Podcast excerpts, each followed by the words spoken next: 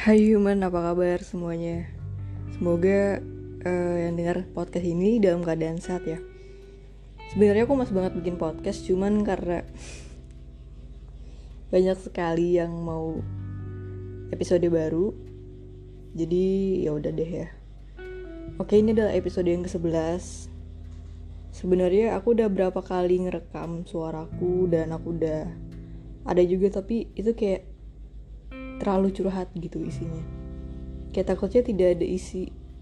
Karena aku pengennya podcast yang ku bagikan ini juga ada manfaatnya gitu nah jadi aku mau cerita tentang hal-hal yang ku dapatkan ya. Uh, puji Tuhan dalam hidup ini aku begitu banyak sekali dikasih kesempatan yang gak pernah terbayangkan.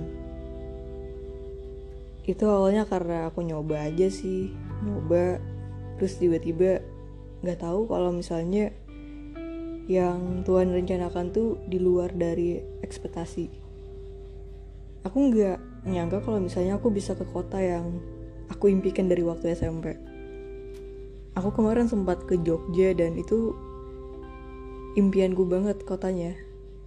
Tapi untuk beberapa waktu ini aku emang lagi nggak terlalu interest sama Jogja. Aku malah pingin ke Bandung karena aku pengen kuliah lagi di Bandung sebenarnya. Tapi ya gimana ya? Tapi aku tetap senang sih kemarin ke Jogja. Di Jogja itu aku kayak kemarin aku ketika di Jogja aku begitu banyak hal yang ku dapatkan walaupun gak semuanya sih. Cuman kayak aku memahami budayanya walaupun gak seminggu aku di sana cuman beberapa hari dan sempat juga jalan-jalan puji Tuhannya aku jalan-jalan guys. Karena selama aku ikut lomba sawit ketika aku ada monitoring ataupun acaranya aku nggak pernah tuh jalan-jalan. Aku selalu di dalam hotel. Yang pertama karena aku mager aku capek banget orangnya. Jadi aku lebih milih tidur dibanding harus jalan-jalan. Dan kemarin karena itu adalah perjalanan terakhir dan itu final lomba juga jadi ya udah deh aku coba untuk jalan-jalan walaupun aku capek dan aku sakit waktu itu. Ya hebat banget. Aku bisa-bisanya sakit di Jogja guys. Demam lagi. Tapi puji Tuhan ya aku sehat. Walaupun pas pulangnya tetap kayak sakit dan itu parah banget sih. Sampai aku nggak bisa denger telingaku kayak berdengung gitu karena lagi flu. Waktu itu flu berat. Tapi ya puji Tuhan sampai hari ini aku sehat di bulan Maret dan kemarin di Jogja itu aku memahami kayak budaya dan orang-orangnya. Sempat kaget sih dengan Jogja karena ketika itu kan ke Malioboro.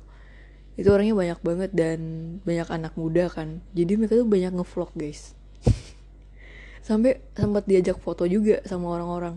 Kan jadi bingung ya kenapa gue diajak foto. Padahal gue tuh saat itu lagi kayak gembel. Muka gue agak sedikit pucat kayaknya. Cuman syukurnya saat itu pakai masker sih ya tapi nggak tahu kenapa tiba-tiba diajak foto. Ya udah ngikut. Emang bodoh sih kenapa ngikut. Ya takutnya sih takutnya ntar viral nggak sih ya. Impossible buat apa viral tuh? Cuman ya itu sih bikin kaget juga agak shock dengan culture yang ada di sana. Dan aku sukanya itu uh, karena kemarin tuh di hotel yang cukup nggak cukup sih tapi sangat bagus hotelnya dan dikasih hotel yang lumayan bisa lihat gunung maksudnya kayak setara nggak setara dengan gunung sih tinggi banget sih setara dengan gunung. Tapi kayak bisa lihat gunung dari jauh tuh kayak lihat bisa lihat puncak gunungnya. Aku nggak tahu tuh gunung apa pingin banget nanya ke pelayan hotel cuman kayak malu. Jadi kayaknya tuh gunung gunung itu sih gunung merapi kayaknya cuman aku nggak tahu. Cuman kayak aku suka lihat gunung. Kayak di, walaupun itu bukit yang ada di kota Banjarbaru aku suka gitu. Aku suka lihat puncak soalnya. Itu sebabnya kenapa aku tuh kadang bersemangat buat uh, meraih sesuatu apalagi yang di atas. Walaupun aku tahu perjuangan sampai di atas tuh susah. Dan aku emang suka lihat uh, puncak gunung. Itu tuh kayak bagus aja. Kayak keren. Gak tahu kayak dan adem sih sebenarnya lebih kayak menikmati aja.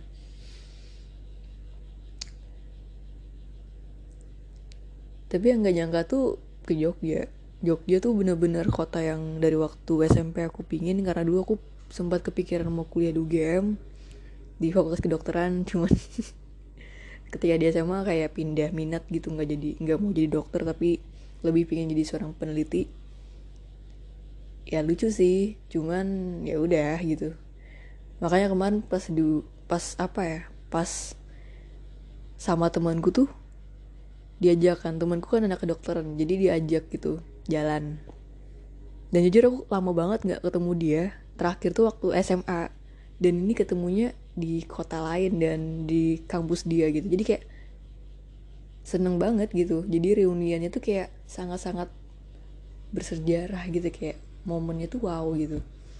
Apalagi fakultas kedokteran ya. Tapi sayang banget MIPA tutup sih jadi nggak bisa ditelusuri gitu. Tapi UGM-nya MIPA bagus. Kayak modern gitu walaupun kayak agak sepi sepi banget UGM sumpah kalau malam. Tapi lebih terang. Terus juga saat itu tapi sedih banget Jogja hujan mulu guys. Jadi aku sering kehujanan kayak baru datang aja kena hujan terus demam parah sampai besoknya demam. Gak bisa ikut acara dengan maksimal jadi tidur. Dan malamnya malah ke Malioboro terus pulangnya kena hujan juga tuh. Abis itu kemarin tuh kalau nggak salah di daerah Malioboro tuh banjir. Walaupun banjirnya nggak tinggi cuman ya bikin sepatu basah lah. Syukurnya ada dua sepatu sih cuman kan tetap aja kali ya. Kayak ya gimana ya sepatu kesayangan lo basah gitu. Tapi gue suka Malioboro Malioboro tuh sangat membuat uang saya habis. Tapi senengnya uh, kayak seru aja. Gue orangnya nggak terlalu suka shopping atau belanja. Cuman ya ke sana tuh kayak bikin belanja. Dan ya udah deh belanja gitu. Seru juga ngeliat orang-orang kadang medok bahasa Jawa cuman gue nggak bisa tapi gue medok medokin aja gitu. Emang emang agak lucu sih manusia ini cuman ya udah gitu ya. Nah eh yang paling gue kaget tuh Jogja ini satu arah. Dia tuh beda sama Banjarbaru. Kalau Banjarbaru ini kan ada dua arah gitu ya ke arah Banjarmasin dan ke arah Matapura. Biasanya kita nih kalau di kota Banjarbaru kan gitu ya. Kalau misalnya di Jogja tuh satu arah doang. Jadi kayak nggak ada lo misalnya bolak balik ke situ nggak ada. Jadi bener-bener satu arah. Kelurus ya lurus gitu. Kalau misalnya mau putar balik tuh ya ya lo harus nyari jalan sampai bener-bener ada tempat untuk mutar yang bener-bener mutar. Bukan lo harus balik ke arah nggak ada. Bener-bener satu arah. Itu sebabnya kayak itu kota kecil tapi luar biasa luas dan ribet kayaknya. Dan ya ya gitu. Kayak kayak gimana ya? Tapi asik sih. Kayak wow juga. Tapi gue suka uh, gue suka kayak walaupun gue tuh orangnya tipe anak yang sebenarnya suka ngomong tapi karena kemarin tuh lagi agak flu gue tuh males ngomong kalau lagi flu Padahal pingin banget kalau misalnya naik Gojek atau Gokar, nanya-nanya ke supirnya. Kayak tentang kota itu biasanya. Sempet sih nanya tentang Tugu Jogja. Aku baru tahu kalau Tugu Jogja itu dia itu kalau lurus ke utara atau selatan saya lupa. Itu tuh ke Gunung Merapi. Kalau lurus lagi dia ke Keraton. Kayak ini keren banget ya. Kayak orang-orang zaman dahulu tuh kayak pintar banget gitu ngatur uh, tata kotanya jadi bener-bener kayak lurus ke, ke Gunung Merapi lurus ke sana ke keraton. Kayaknya itu, itu kayaknya waktu kerajaan nggak tahu kerajaan apa tapi kayaknya kerajaan Jawa. Mau asal sebut ntar salah lagi. Kayaknya lurus gitu nah. Kayak wah keren banget ya zaman dulu tuh emang pintar banget udah uh, arsitekturnya. Maksudnya kayak lurusnya tuh pas gitu ya. Tapi sayangnya banget itu saat malam jadi ya gunung kalau malam nggak kelihatan ya seandainya pagi ya bisa kelihatan. Cuman gue kalau misalnya pagi sampai siang tuh nggak bisa karena gue acara. Dan pingin sih kemarin tuh di uh, apa ya namanya dilamain pulangnya cuman karena ya puji Tuhan diberikan kesibukan yang sangat sibuk. Jadi jadi balik ke kota Banjarbaru buat ngerjain berbagai macam hal. Ada rapat juga. Besok harinya gue langsung rapat ya gimana ya? Kalau udah ada peran ya harus diselesaikan dan dilaksanakan dengan baik gitu. Tapi syukurnya kemarin ke Jogja lumayan banyak hal yang aku dapatkan. Aku juga ada, agak sedikit refreshing. Aku suka banget dengan Jogja karena yang pertama juga hal baru kayak beda banget. Kan Jogja termasuk kota metropolitan ya? Aku nggak tahu ya Jogja itu metropolitan atau enggak tapi lumayan bagus gitu tapi jujur ya ketika gue di Jogja gue kangen Banjarbaru aneh tapi itu beneran. Tapi ketika gue pulang sehari gue kangen Jogja. Tapi jujur sekarang gue malah pengen bakpianya guys. Bakpia Jogja tuh enak banget. Bukan berarti aku pecinta bakpia banget ya enggak. Cuman kayak bakpia tuh enak loh. Dulu aku kalau misalnya ayahku beli bakpia gue nggak suka waktu kecil. Gue gue nggak suka gitu. Kayak nggak suka aja tapi ketika gue sudah gede gue kayak suka bakpia. Entah bakpia patok bakpia yang keras gitu atau bakpia kukus. Kan kalau ke Jogja wajib banget beli bakpia kukus. Itu empuk dan wah enak banget. Ya karena itu termasuk khas Jogja dan bener-bener di setiap Jogja tuh ada bakpia guys. Jadi lo kayak bingung mau beli di mana. Tapi sempet kemarin tuh karena acaranya selesai tengah malam eh enggak tengah malam amat ya jam 11 atau jam eh jam 10 kali ya. Jadi aku ikut eh, teman-teman buat cari oleh-oleh karena besoknya pulang kan ya pagi. Jadi ya nyari bakpia dan itu tuh bener-bener ke tempat produksi bakpia guys bakpia patok. Dan bakpianya lagi panas-panas ya enak juga. Cuman gue tuh tidur sih sebenarnya baru bangun tuh ketika udah sampai jadi agak kaget loh ini kok kayak di komplek gitu ya? Dan itu komplek pembuatan produksi bakpia bukan tempat distribusi atau yang biasanya toko-toko oleh-oleh gitu enggak. Ini bener-bener tempat pembuatannya loh. Kayak hah? Kok bisa ya? Gitu. Tapi keren sih cuman gue agak kaget uh, di situ kayak mohon maaf ya kayak ada ya gitu kayak preman cuman ibu-ibu. Jadi kayak agak kaget dengan uh, hal tersebut. Cuman kayak pas gue mikir lagi itu wajar aja kali ya apalagi di kota yang kayak gini. Bukan menjelekkan sih cuman kayak hmm, kayak gue jadi keingetan pelajaran IPS gitu tentang kesenjangan sosial. Tapi ini nggak kesenjangan cuman kayak hmm, kurang apa ya? Ya gitulah bisa dijelaskan dengan baik karena aku nggak terlalu suka IPS juga. Tapi pelajaran IPS yang ku dapatkan di sekolah waktu SD SMP SMA tuh ada gitu. Bener. Karena uh, jujur di Banjar, di kota Banjarbaru tuh nggak ada yang kayak gituan. Jarang banget. Itu tuh bener-bener kayak pakai denim. Karena kemarin aku ke Jogja pakai bandar yang baru. Jadi itu viewnya bagus itu pantai dan ada laut pantai laut. Gimana sih jelasinnya? Gitulah. Kayak biru kan cantik ya? Biru kayak bagus gitu. Keren sih. Dan aku kemarin sempat beli kopi bubuk khas merapi. Harganya hmm, mungkin bagi orang mahal. Kalau di sekitar kemarin aku lupa berapa gram ya 50 gram atau berapa?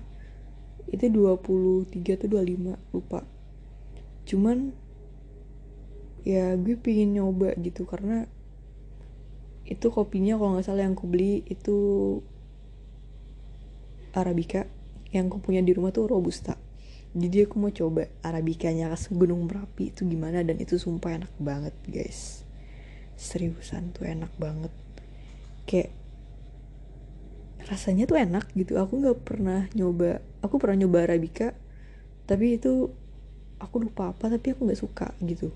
Nggak suka dengan kopinya. Tapi ketika aku nyoba yang khas gunung merapi itu enak banget arabikanya seriusan. Dan kopi merapi arabica ini lebih mahal daripada yang robusta. Robusta ada cuman aku lebih milih yang aromanya wangi gitu. Aroma kopi yang wangi itu malah membuat lebih tergoda untuk membeli. Dibanding yang tidak tercium baunya kemarin belinya di bandara sih. Ya karena gue tuh anaknya gabut ya. Jadi gue jalan-jalan terus kayak keliling-keliling karena gue pengen tahu karena uh, gue pergi tuh gratis gitu ya karena perlombaan ini. Jadi kayak mau di, dimanfaatkan dengan sebaik-baiknya. Sebelum aku pulang lagi ke kota ini dan aku sibuk dengan kesibukanku sendiri lagi. Jadi kayak aku pengen bener-bener kayak refreshing. Walaupun tidak terlalu refreshing juga. Tapi puji Tuhan kayak ya adalah liburan. Walaupun gak tahu ini liburan atau tidak ya. Tapi ya syukurnya ada. Itu cerita gue ketika di Jogja kemarin. Itu adalah upah dan jerih payah saya ketika saya ngeriset. Karena jujur aku nggak nyangka juga bakal pergi. Aku kira yang pergi itu cuman yang bener-bener lolos buat presentasi lomba pemenang aja gitu yang 10 tim. Ya sekalinya ya gue nggak tahu nggak nyangka juga kalau misalnya itu malah semua tim diundang. Kayak wow wow banget. Dan sumpah itu enak banget. Gue gue kangen sama risol mayo di hotel. Itu itu enak banget guys seriusan. Kayak teman-teman gue nggak suka tapi gue suka. Kata mereka tuh enak tapi gue kayak gue suka banget. Seandainya gue tahu gue bakal ngambil banyak-banyak. Tapi gue cukup banyak sih ngambil cuman ya jadi kan gue kangen kan ya sama risol ya. Karena sebelum gue ke Jogja tuh sebenarnya gue tuh udah terngiang-ngiang dengan risol mayo. Kayak karena teman gue ada jualan kan di Instagram kayak ini apa gue bikin sendiri aja nih risol ya di mati gue tuh daripada gue beli-beli. Tapi nggak nggak kejadian karena gue sibuk ya. Terus ya puji Tuhan malah di Jogja dapat risol lucu tapi beneran kejadian gitu ya. Ya ada-ada aja rencana Tuhan ini lucu. Nah, setelah itu ya gue balik ke tempat asal dan muasal saya yaitu di kota Banjarbaru. Dan sebenarnya sebenarnya aku malas sih cerita tentang yang ku kerjain sekarang uh, kan kemarin ketika pergi tuh udah resmi semester 6 ya. Ya kan tahu aja kan ya semakin bertambahnya semester semakin melelahkan sebenarnya dari semester 4 tahun kemarin tuh udah capek banget sih dengan banyaknya praktikum. Tapi entah mengapa ketika aku semester 6 itu lebih capek juga. Walaupun capeknya itu apa ya entahlah kenapa mungkin karena aku juga ikut organisasi masih bisa juga atau enggak ya banyak tugas yang diemban. Tapi ketika aku nyoba untuk mikir kembali kayak uh, gini tahun ini tuh sebenarnya kemungkinan besar tahun terakhir perkuliahan diriku. Karena aku bukannya pingin banget cepat lulus tapi berharap dan sangat berharap bisa lulus cepat. Yang pertama karena aku ditanggung sama kedua orang tua untuk uang kuliah dan aku nggak mau ngerepotin gitu nah. Wajar ya dengan prinsip yang kayak gini. Bukan pingin jadi yang pertama nggak malah kayak gue nggak percaya diri kalau misalnya paling cepat lulus. Tapi emang itu impossible sih kalau misalnya buat aku karena aku juga sadar diri dengan nilai IPK IPK saya. Tapi ada step yang harus dilewatkan supaya bisa tercapai yaitu penelitian. Penelitianku ini lumayan ribet sangat ribet sepertinya. Cuman justru kenapa aku milih topik penelitian ini karena yang kupikirkan tuh ada outputnya bukan dari segi kemudahan dan kelancaran dalam cepat lulus bukan.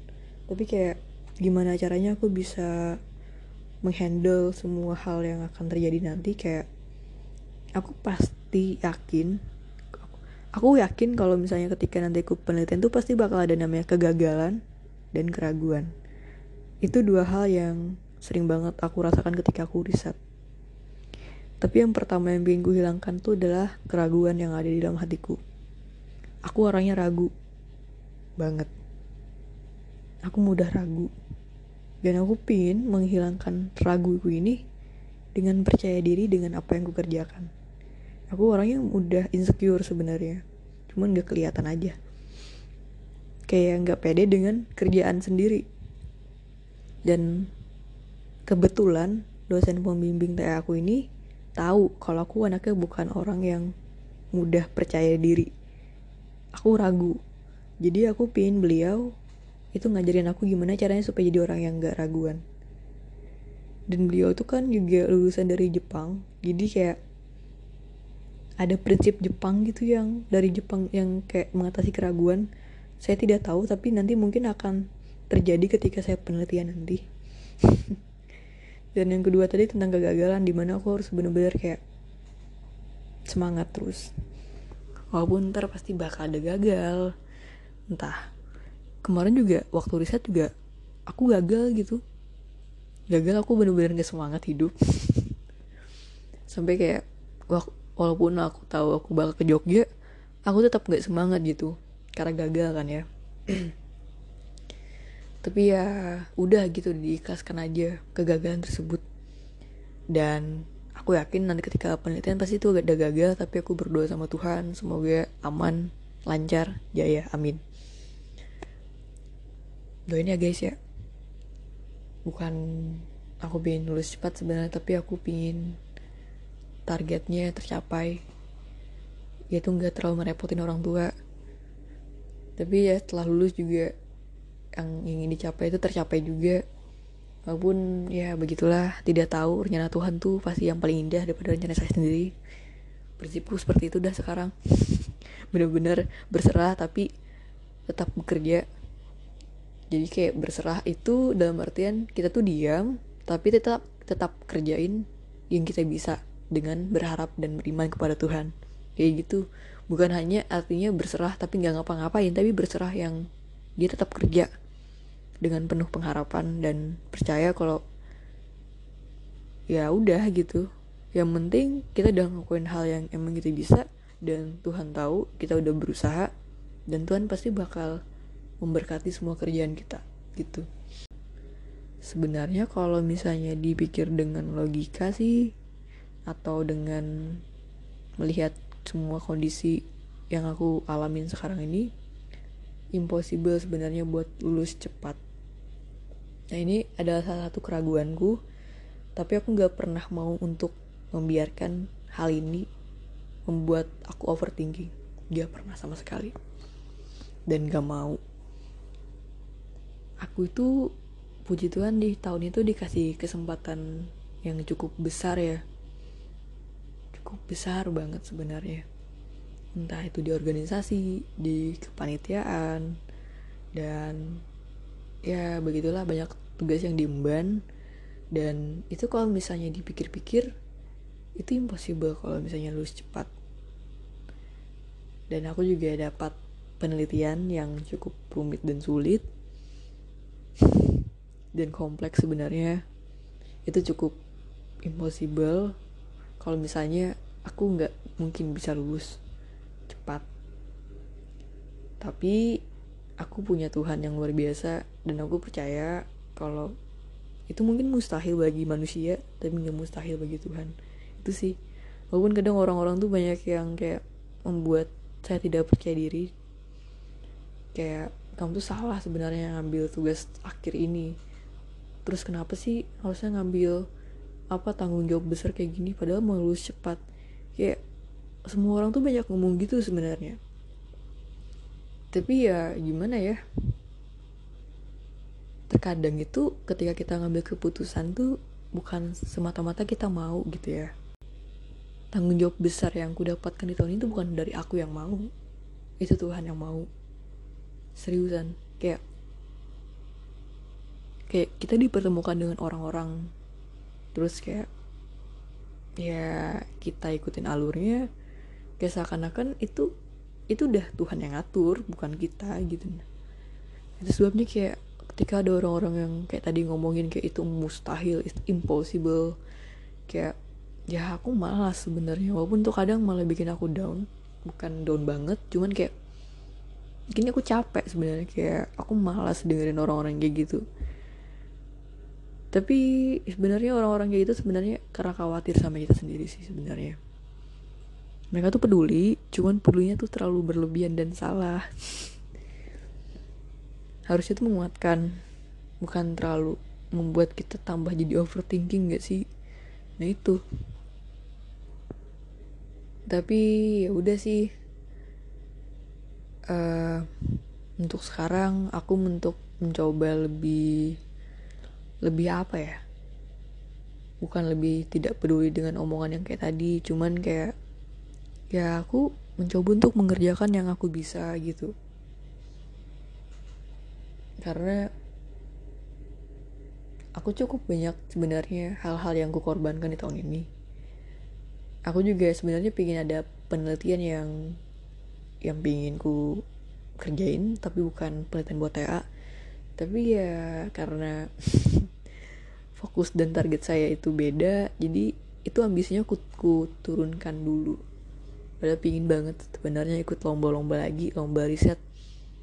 Tapi ya gimana ya dalam hati saya. Takutnya ntar mah tabrakan dengan semua uh, peran yang sudah didapat. Karena kemarin aku udah lumayan begitu kaget dengan semua hal. Kemarin tuh cukup banyak peran tapi hampir kayak kacau balau karena peran yang satunya tuh bisa nggak dikerjakan dengan semaksimal mungkin kayak dikerjakan tapi tidak efektif gitu kayak tidak baik performanya. Tapi malah di satu peran aku malah bagus performanya. Jadi kayak lebih mendominasi pada satu peran.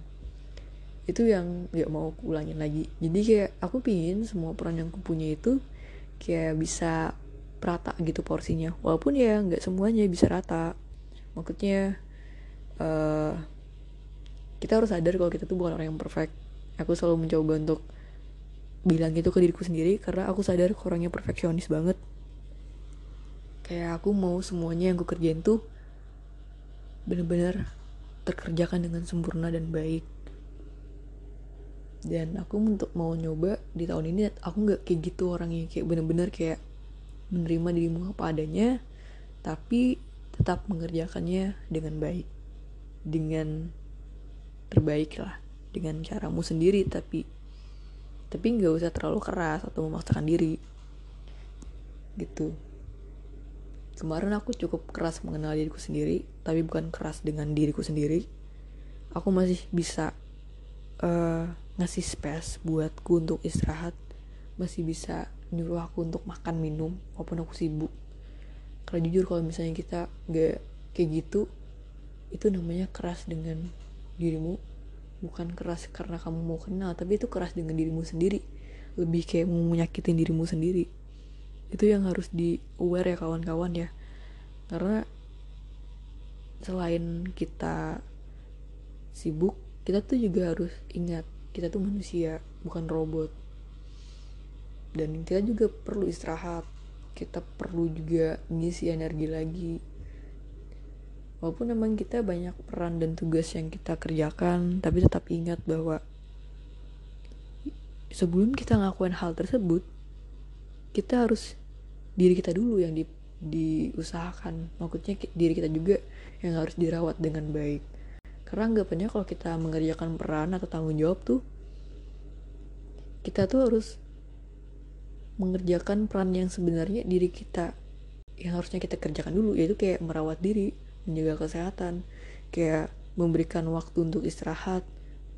Karena tuh berkaitan dengan kesehatan mental juga fisik juga rohaninya.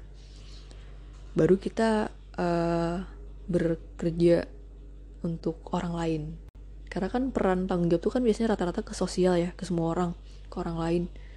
Lebih baik itu ke diri dulu baru ke orang lain. Kayak gitu. Karena misalnya kita lagi sakit jujur kalau misalnya lagi sakit tuh nggak produktif. Itu kalau aku. Itu prinsipku yang sangat keras. Itu sebabnya kenapa kalau aku lagi sakit aku nggak suka karena itu bikin aku nggak produktif. Agak ngeri ya cuman jujur itu kayak pola pikir yang kurang bagus sebenarnya. Karena kadang kalau misalnya Tuhan ngasih kita sakit itu sebenarnya kita disuruh istirahat.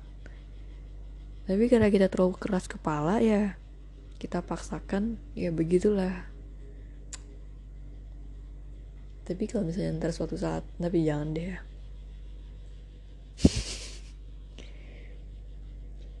sumpah ini udah 31 menit aku ngomong teman-teman. Dan aku nggak tahu nih podcast bakal berguna atau tidak bagi orang-orang yang dengar cuman agak lucu kalau misalnya ada yang suka dengan suara saya itu aneh banget. Saya aja kalau dengar suara saya sendiri saya mau ketawa gitu ya. Dan mohon maaf ini suaranya jadi kayak agak-agak tidak bagus karena lagi sakit tenggorokan ya. Kalau malam semakin sakit tenggorokan saya.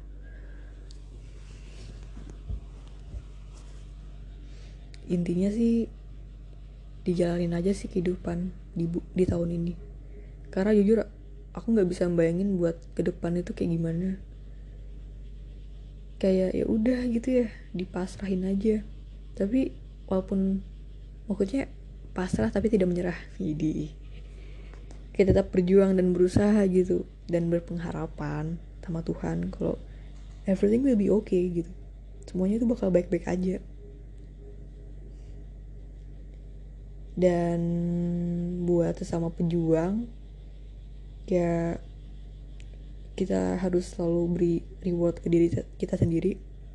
Entah itu dengan hal-hal sederhana atau hal kecil kayak istirahat terus makan dan minum yang kamu suka dan always have quality time with family juga. Karena recharge energi itu emang kayak gitu sih kadang tuh ke family dan ke Tuhan. Ke friend juga ke teman-teman orang-orang yang emang membuat kita nyaman ya itu penting banget. Dan kalau udah selesai itu ya kerja lagi kerja dengan aktivitas yang begitu sibuknya. Itu sih. Ya semoga dengan podcast ini bermanfaat buat kalian semuanya. Dan tetap semangat walaupun tidak ada penyemangat. Tapi misalnya ada penyemangat ya puji Tuhan ya bagus berarti ya. Dan itu aja sih guys dan semoga ntar episode yang ke-12 itu lebih bermanfaat lagi podcastnya tapi aku nggak tahu ntar kapan. Itu aja kali ya. Semangat ya guys. Bye human